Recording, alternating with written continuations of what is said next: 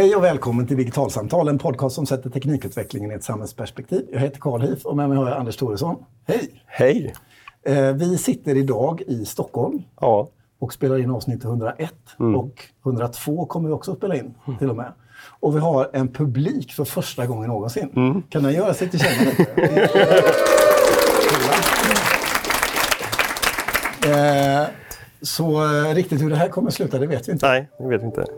Eh, det, vi, eh, det vi däremot vet, det är ungefär vad vi ska prata om i veckans avsnitt. Ja, det ska vi göra. Och vi ska prata om en, eh, för mig, småkryptisk förkortning som du vet mer om än mig, som är GDPR. Vad är det? Det är en ny dataskyddsförordning som är beslutad på EU-nivå som börjar gälla i hela EU från och med den 25 maj eh, 2018. En, Ganska snart. Det är ganska snart, ja. Eh, det låter jättespännande, Anders. Dataskyddsförordning. Det är en lång, eh, ett långt konstigt ord eh, på någonting som jag inte riktigt förstår. Men jag vet att väldigt många människor är, Oroade och stressade. Ja, men så är det. Vad, vad är poängen med att ha ett sånt här direktiv i EU? Vi, vi har ju pratat rätt mycket i podden om det här med hur data och personlig integritet hänger ihop. Att man samlar in data om oss och använder den på olika sätt för att eh, göra personanpassning av priser, för att personanpassa annonser och allt möjligt. Och det här är eh, EUs svar på den här utvecklingen kan man säga. Där, man lagstiftar och sätter tydligare gränser för hur personuppgifter ska få lov att samlas in, bearbetas och användas. Så tanken är alltså att jag som medborgare i EU, jag surfar runt på nätet och jag använder massa tjänster och sånt. Och så lämnar jag ifrån mig en massa data överallt. Och eh, poängen med det här är att jag ska kunna på något sätt ha en relation till den eller? Ja, inte bara. Ja, dels ha en relation till att man ska kunna som, som användare i många tjänster begära ut data på ett helt annat sätt för att se vad som finns registrerat om en. Men också känna sig trygg med att den datan som samlas in, den ska bara användas, kunna användas till det som var det ursprungliga syftet. För det, för det är ju det som ganska ofta händer här också, att det blir en ändamålsglidning i de här tjänsterna som samlar in data. Att man, man hävdar att vi samlar in data för att tillhandahålla det här, men sen så säljer man det till annonsörer eller man använder den här datan på sätt som man som användare inte är medveten om från början. Och det ska, är tanken då att GDPR också ska sätta stopp för. Är det mycket så idag alltså? Att data används på många olika sätt? Eh, Det, det, det finns ju otaliga exempel på, på det här. Eh, Vi, vi, vi pratade om ett i, i tunnelbanan på vägen hit när vi såg annonser för Uber i, i tunnelbanevagnen. Hur, hur de tidigare i veckan har, har avslöjats med att ha använt en, en funktion som jag tror att den kallas för Greyball. Som de tidigare använt i USA har också använts här i Sverige. Som helt enkelt handlar om att man eh, för poliser som utredde eh, Ubers aktiviteter här i, här i Stockholm så såg man till att när de öppnade Uber-appen så såg det annorlunda ut än när en vanlig Uber-användare tittade i Uber-appen. För att de inte, man ville mota bort dem så att de inte skulle använda, åka med Ubers bilar överhuvudtaget. Och det här är ett sånt där typexempel. För då använder de eh, information om att om, om man var registrerad med e, en e-postadress som slutade på polisen.se, om man ofta rörde sig kring polishuset och så vidare. Då kunde man inte åka med Uber därför att då, då fanns det inga bilar i närheten. Såg det ut som. Och det är ett, ett typexempel på det här som, som är väldigt... För de eh, gick inte ut Uber och sa liksom, ursäkta mig polisen, men vi kommer Nej. att se till att ni inte får några bilar. Nej. Utan man ville inte ha poliser i bilarna för man visste att det var en pågående polisutredning. Så GDPR, det handlar om att eh, skydda fysiska personer och att ge dem större kontroll över sin data helt enkelt. Ja, det är grundtanken. Men det är ju också någonting som påverkar massor av organisationer och företag. Då. För på något sätt så innebär den här lagen massor av nya utmaningar och, och situationer helt enkelt. Och det är väl där, liksom om vi tänker om skolan till exempel och, och så, som vi eh, man kommer att liksom hamna i en massa utmaningar. Det är det jag hör i varje fall. Ja, absolut. Eh, Det, alltså, det handlar ju både om eh, hur, hur skolan och lärare kommer kunna använda olika typer av tjänster. Till exempel, eh, kommer man kunna använda ett Instagramkonto? Kommer man kunna använda Scratch och så vidare? Där, där finns det en osäkerhet ens, eh, i, i nuläget kring vad den här lagen faktiskt kommer För innebära. mycket av det här handlar om personuppgifter. Ja. Alltså det är det som är ja, allt, allt grundar sig i, i det Och- som kallas för personuppgifter. Och vad är en personuppgift då? Alltså, om vi börjar den ändan. Ja, allt, allt som går att knyta till en enskild individ, en fysisk person. Det kan vara då mitt namn såklart. E-postadress, telefonnummer, eh, kanske IP-adress till den prylen som du använder. Mac-adressen på datorn. Mac-adressen på datorn. Det kan vara bilder. Mm. Det skulle kunna vara en berättelse om mig själv som jag publicerar. Som är tillräckligt detaljerad för att man ska förstå att det är du som har skrivit den. Så det är ganska mycket olika saker som är, personuppgifter. Ja, och, och dessutom blir det problematiskt i ett steg till. Därför att saker och ting, vi har också pratat om big data och artificiell intelligens och maskininlärning. Så att det kan också vara så att du har en datamängd här som inte är en personuppgift och så har du en datamängd här som inte innehåller personuppgifter. Men när de här två databaserna Pratar med varandra. pratar med varandra och sammanförs, då kan det bli personuppgifter utav det. Och sen finns det någonting som handlar om särskilda personuppgifter. Som är liksom extra läskiga saker. Eh, Eh, det, det är sådana som handlar om, om eh, etniskt ursprung, politiska åsikter, eh, religiös eller filosofisk övertygelse, sexliv och hälsa. Och för, för skolan så innebär det här till exempel att i, när, när man ska registrera frånvaro så får man inte längre skriva att en elev är sjuk. Utan man får bara registrera huruvida det är en ogiltig eller giltig frånvaro. Därför sjukdom är en känslig personuppgift. Och då krävs det ett helt annat typ av skydd i datasystemen jämfört med om det inte är... Ja. Eh, och det, och det krävs ju också här då en, en, en medvetenhet hos både de som bygger systemen, de som beställer systemen och de som använder systemen, både lärare och elever, kring vad det egentligen är som är okej att hantera i de här systemen och vad som inte är det. Ett, ett jättekomplicerat exempel är det som kallas för, för fritextfält, som är de här rutorna på, i, en, i en webbapplikation till exempel, som är jättestora och där det, man, man kan skriva vad man vill. Därför att där har du heller inte någon kontroll över vad en förälder väljer att skriva in i det här systemet. Så att, Så det kan liksom dyka upp eh, känsliga personuppgifter fastän jag själv inte riktigt har liksom önskat Ja. det i systemet. och, och, och, och därför krävs det väldigt tydliga instruktioner kring de här fritextfälten till den som ska fylla i dem. Vad det är systemet förväntar, eller vad det är som jag som systemägare förväntar mig att, att eh, föräldern ska skriva här till exempel. Så att man inte skriver en detaljerad sjukdomsberättelse när det inte är det som, som vi vill ha registrerat i systemet. Och för att liksom hantera allt det här så har jag förstått att man har Liksom, eh, man inrättar en massa olika roller och funktioner för att hantera personuppgifter. Eh, och det kommer man börja höra talas om mer antagligen då eh, under våren när det här blir mer tydligt. Vi har till exempel begrepp som personuppgiftsansvarig. De är Ja. väldigt långa och jobbiga verkligen. Personuppgiftsansvarig. Som är den som så att säga, bestämmer ändamål och regler för personuppgifter i en organisation. Ja, som har liksom det verkligen övergripande paraplyansvaret. Och i skolans värld så är det utbildningsnämnden eller, eller motsvarande då beroende på om, Ofta kan det vara utbildningsnämnden, men det skulle kunna vara så att den, man har lagt det på en annan nämnd eller slått ihop det. Men det är Mm. Absolut. Mm. oftast en liksom politisk struktur, eller någonting som är väldigt högt upp organisationen. Och det här behöver, den som är personuppgiftsansvarig behöver inte vara en fysisk person utan det kan också vara en, ett delat ansvar i en, i en organisation. I en nämnd eller Ja, något sånt. precis. Och sen finns det något som heter då personuppgiftsbiträde. Ja, Som är en fysisk person eller ett företag. eller ett företag som då får en slags uppgift av Mm. den här eh, personuppgiftsansvarige att ha hand om en viss typ av Mm. personuppgifter. Och det kan typiskt vara då ett företag som levererar ett, ett eh, administrativt system till Till skolan. exempel eller, om jag har ett elevhanteringssystem, då är, då är de personuppgiftsbiträde i Mm. relation till mig som då är nämnden och är personuppgiftsansvarig. Mm. Och här emellan finns det en, en tredje roll som kallas för dataskyddsombud. Dataskyddsombud, det Ja. låter lite läskigt. Ja, som, som är den, det- här är en, ofta en, en fysisk person då, som är den som ska sitta på fackkunskapen som, som personuppgiftsansvarig utbildningsnämnden inte har. Som ska vara den som... som Okej, så man har liksom nämnden som har själva ansvaret. Mm. De utser ett dataskyddsombud och det måste det finnas ett sånt. Mm. Och de ska vara så här hardcore nördiga på GDPR. ja, de ska älska GDPR. Ja.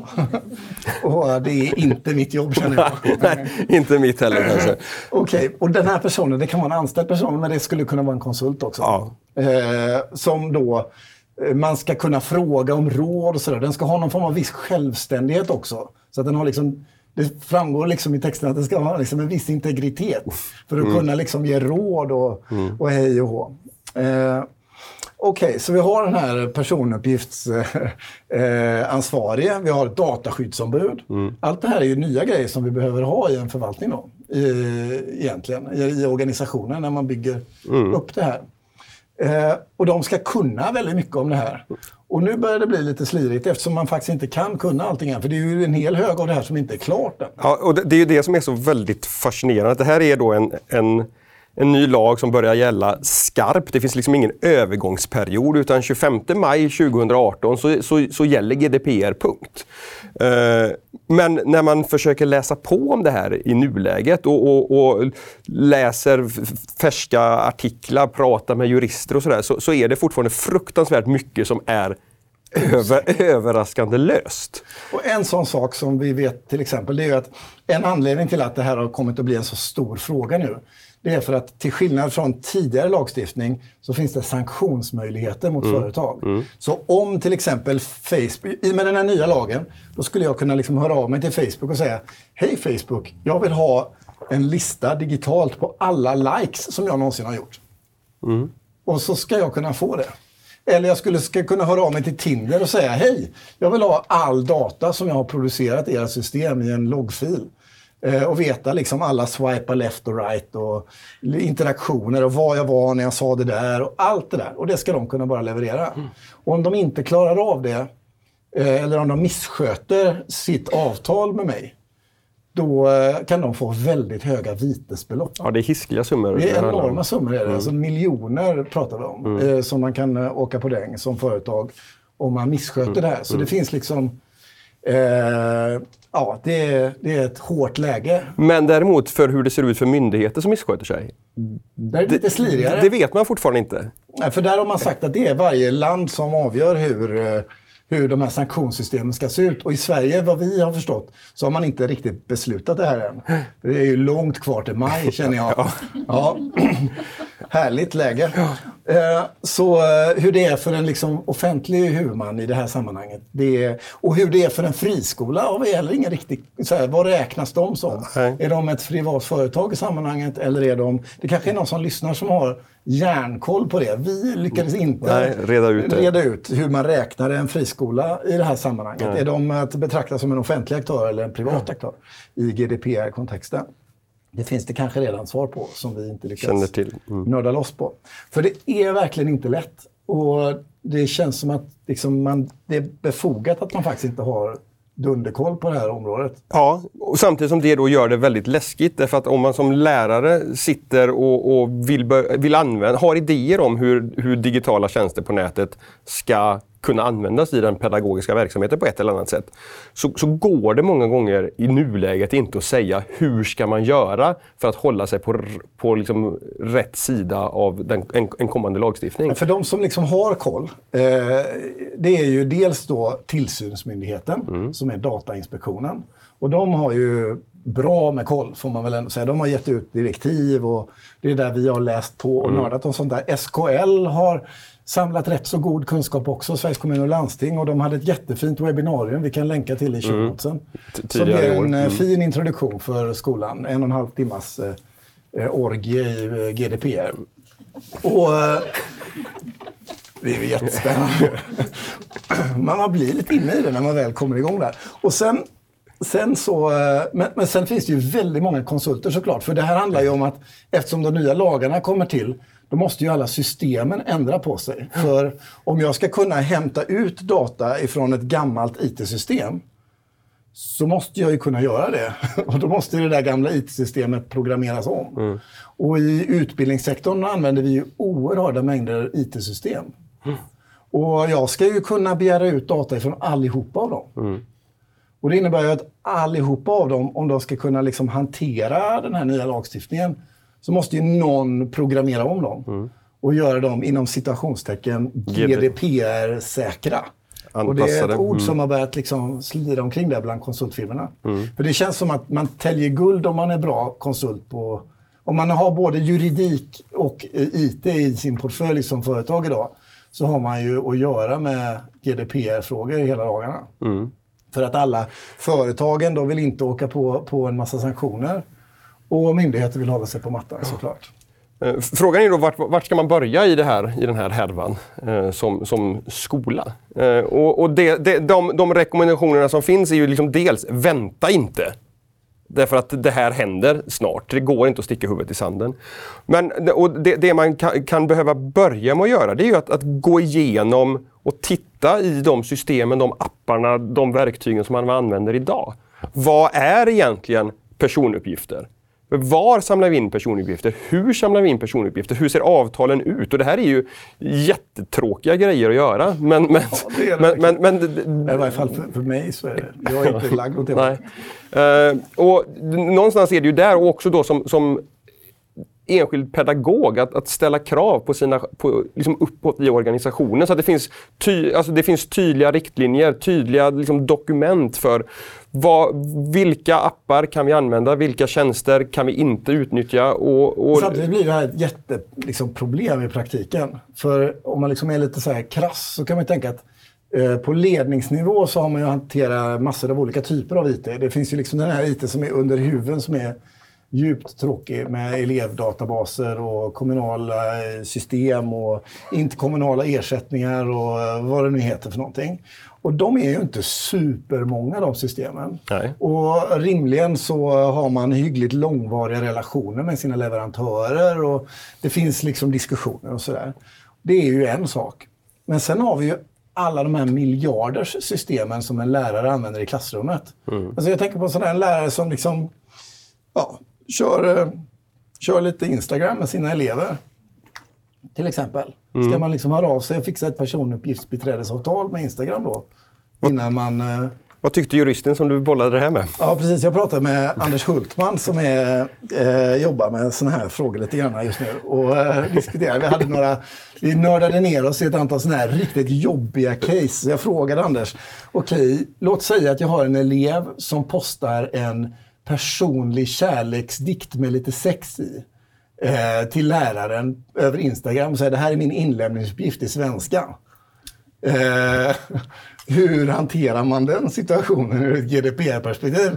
Och då blev det lite tyst i luren, eh, kan man säga. För det är ju verkligen inte, inte enkelt. Men till att börja med så är ju det här då eh, inte en fråga om ett avtal mellan två parter.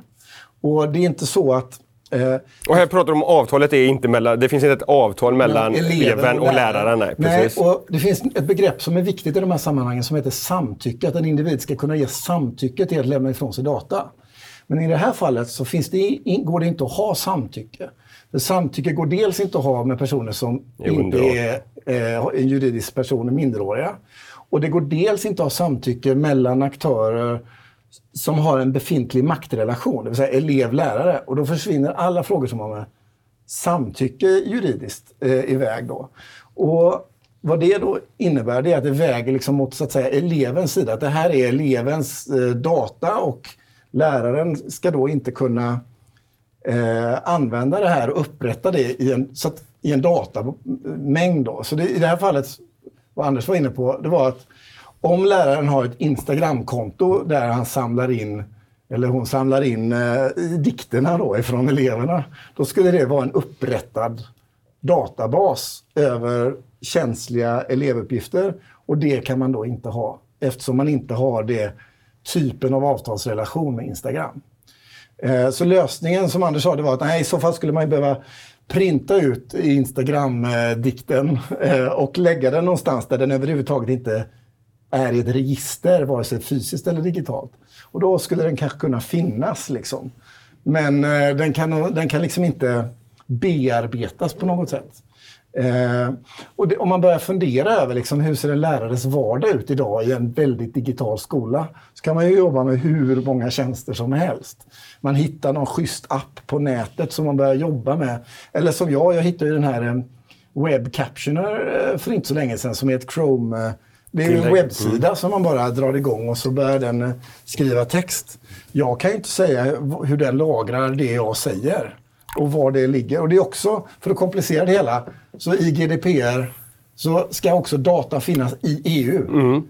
Så om den ligger liksom i Hongkong, då är det inte okej. Okay. Och om jag inte kan veta var datan ligger, då är det inte okej okay heller. Jag måste kunna säga det. Så i det fallet så skulle jag inte kunna använda den tjänsten. Om den inte då är GDPR-säkrad. Men, men för mig så blir det liksom någonstans uppenbart att man kan inte förvänta sig att att alla pedagoger ska kunna ha koll på de här sakerna. Utan det krävs ju ett, att det finns organisationer, myndigheter. Det finns något som kallas för för branschöverenskommelser, nej det heter inte det. Nu tappar jag eh, begreppet. Alltså en sak som, som, som EU-kommissionen har sagt att de ska göra, men som de ännu inte har gjort, det är ju att man ska göra så generella avtalsbeskrivningar. Mm, uppförandekod kallas det för. Ja, så tanken, är att, tanken i det här fallet är att kommissionen ska komma ut med sån här, ni vet när man klickar i en sån här eh, okej-ruta för att man godkänner avtalsvillkoren med en tjänst. Så här, nu ska jag gå med i Facebook, så scrollar man 18 sidor och trycker okej. Mm. Eh, för vi vet ju att vi läser dem ja. eh, allihopa. Tanken är att man ska kunna ha en generell eh, avtalsförsäkran ifrån en eh, digital tjänst som säger vi är GDPR compliant. Vi, liksom, vi funkar i GDPR. Och så finns det en standardtext för hur det går till som ska finnas i sådana avtal. Mm. Och då förbinder sig den leverantören till att sköta sig enligt GDPR. Mm. Och om den texten finns och jag använder den, då ska jag förväntas kunna lita på den och då ska det här mm. avtalet bara funka. Men, men, men, man kan ju tänka sig att, att liksom Instagram har det någonstans mm. djupt i lagren i, i scrollgrejen. Mm. Men det luriga är ju att där kan ju tjänsten leva upp till GDPR ur sitt perspektiv. Men det finns ju fortfarande en möjlighet för en, för en klass att använda de här tjänsterna på ett sätt som inte funkar. Som inte funkar. Där det blir känsliga innehåll. Ja, precis därför att man faktiskt delar den här typen av känsliga uppgifter som inte var tänkt att, att skulle finnas. På, för för det, kan ju, det kan ju inte Instagram friskriva sig från att någon laddar upp de här känsliga personuppgifterna som handlar med, med sexualitet och så vidare Nej. där att göra. Utan, utan där blir ju ändå ett ansvar som faller på, på den som, som leder liksom har bestämt att nu ska vi använda den här plattformen. Absolut. Och, och, att då se till att den faktiskt används på rätt sätt och prata med eleverna om, om vad, vad får lämnas in och vad får inte användas här. En annan sån här grej som ingen riktigt har svarat på, om vi går tillbaka till Anders Hultman som mm. jag pratade med. Han sa så här, det finns ju en massa såna här riktigt jobbiga grejer som ingen har ett bra svar på. Och en sån det är till exempel säkerhetsbackuper i system. Alltså om man har till exempel e-post och så har man i kommunen har man en backup för e-posten. Och så kanske man har en backup för backuppen. Och så kanske man lägger, har man backupband som man tar ut ur sina backup-servrar och lägger i en hög. Och så stoppar man in ett nytt backupband när det har blivit lite fullt. Till exempel. Eh, om, jag om jag då hör av mig till kommunen och säger Hej, jag vill att ni tar bort den här datamängden. Eh, ta bort det här tre e-posten. Då ska kommunen göra det. Eh, I det här fallet, om det är, någon data, om det är någonting som inte liksom är okej, okay, eller där man ska liksom ta bort. Och då ska det ju tas bort också i alla backuperna. Och hur, det finns, om man frågar en leverantör av e-postsystem, liksom, hur löser ni det? Av backupsystem? Av back, mm. ja, mm. Så finns det ju ingen teknisk lösning på hur det här ska gå till idag. Och om man då frågar, Anders Hultman han frågade ju då Datainspektionen, liksom, hur, hur ska det här gå till? Liksom? Och de bara, nej, vi, vi, vi, vi vet att det inte finns en teknisk lösning, men sån är den nya lagen. Och här blir det lite grann en kluring på något sätt. För intentionen med GDPR är ju jättefin. Det vill säga skydda EU-medborgares integritet och ge dem möjlighet att kunna ställa krav mot myndigheter och företag och kunna hantera sin data och alla sådana saker. Sen blir det en massa meck för samhället att lösa ut detta och så har man byggt lagen på ett sätt som gör att man faktiskt inte riktigt... Liksom kvart i tolv, det är bara några månader kvar innan den ska träda i kraft. Till att börja med inte har talat om alla spelregler. Och sen när man väl, ja, och även om man har talat om saker så har man ingen aning om hur man praktiskt ska mm. genomföra det hela. Och liksom, någonstans så haltar liksom det hela lite grann där. Och jag kan ju förstå den skolhuvudman eller kommun eller det företag som levererar tjänster. Att det här är ju superklurigt alltså. Vi har ju pratat om det i tidigare avsnitt, det här att, att eh, vilka krav man kan ställa på politiker och beslutsfattare när det gäller liksom förståelse för tekniken och teknikens konsekvenser. Och jag kan ibland när, när man läser på om, om GDPR fundera på... Eh, jag håller med om att det, det, finns en god tanke bakom det, men att det, det jag får ändå en, en känsla av att det saknas en, en, en, en, genomgående konsekvensanalys av hur den här liksom, lagen faktiskt kommer påverka saker och ting. Och inte bara utifrån hur det ska vara praktiskt genomförbart, utan det kan ju också finnas aspekter här där, där den här datan som, som samlas in inte kommer kunna användas till massa positiva saker och, och, intressanta analyser som är samhällsnyttiga eller för alltså, enskilda individen. Liksom tjänster helt enkelt inte blir skapade för att eh, det finns en massa lagstiftning. Ja. nej, men det är bäst vi är säkra. Vi, kör inte, vi gör inte den där artificiella intelligensprojektet för att kunna hjälpa elever som är hemmasittare genom att samla massa data Nej. om dem. För att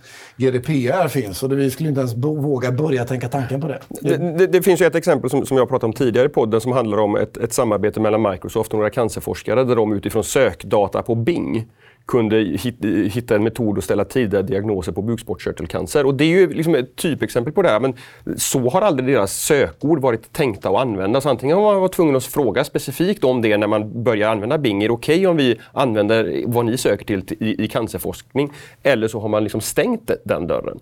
Uh, och det, det, det, tycker jag, alltså personlig integritet är jätteviktigt men, men, att använda data till nyttiga samhällsbra saker är också viktigt. Så det, det, känns som att det finns en, en, en, uh, ja, en balansgång här som jag hoppas att de faktiskt har tänkt igenom ordentligt när de, när de bestämde den här lagen. Och det känns ju inte helt självklart. Om man tittar på till exempel vad eh, Alltså hur, liksom, ja, hur frustrerade många verkar vara inför att det är väldigt kort tid och hur ska man kunna göra och sådär. Och sen också, tänker jag, alla de som faktiskt inte knappt hört talas om GDPR. För mm. jag kan mm. tänka mig att väldigt mycket har det ju handlat om att eh, liksom, IT-avdelningar ska ställa om system och sådär. Men liksom diskussionen mm. om så här, men hur, hur är en lärare i sin egen vardag? Mm. Hur tänker man när mm. man möter en ny webbtjänst? Mm. Och hur ska man interagera med den? Alla sådana typer av frågor har ju väldigt mycket Ja, det lämnar ju väldigt mycket ja. kvar.